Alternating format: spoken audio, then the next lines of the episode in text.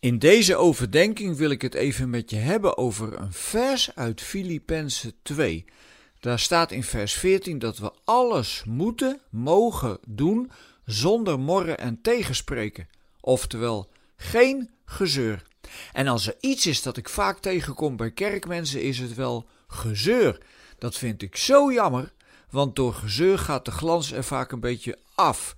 Nu is zeuren wel een beetje eigen aan de Nederlanders, maar daar zouden christenen juist een mooi tegenbeeld van kunnen geven. Soms krijg je het gevoel dat mensen het geloof meeschouwen als een zware last op hun schouders. Ze gaan naar een kerk waar de dominee ervoor zorgt dat ze nog zeurderiger naar buiten komen. Ik vind zelf dat als ik ergens gesproken en gezongen heb en de mensen gaan naar huis met een gezicht op half zeven, dat ik het dan fout gedaan heb. Zeuren is een totaal zinloze bezigheid. Maar ik neem mijn hoed diep af voor al die predikanten die dagelijks gezeur moeten aanhoren. Over de liederen die de afgelopen zondag gezongen moesten worden, over de inhoud van de preek, over het doel van de collecte. Hadden we het geld niet beter ergens anders aan kunnen geven? Over het feit dat er een oudste op huisbezoek is gekomen en niet de dominee zelf.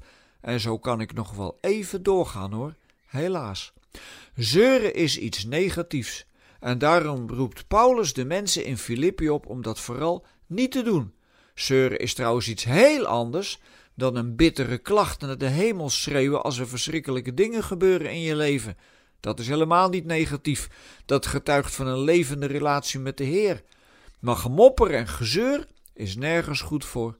Ben je aan het soundchecken en bij de eerste klank komt er al een meneer van 80 naar je technicus om te vertellen dat het allemaal veel te hard is.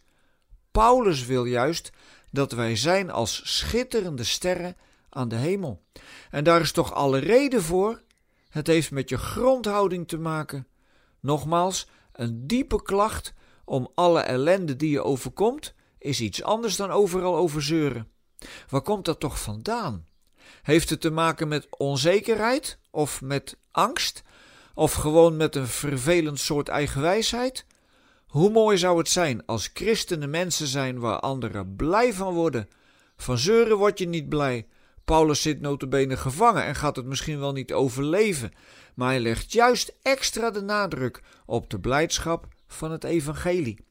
In de lockdown verscheen er een selfie-filmpje van iemand die wilde vertellen hoe zielig ze was dat ze geen cappuccino meer kon drinken bij de Mac. Kijk, dat bedoel ik.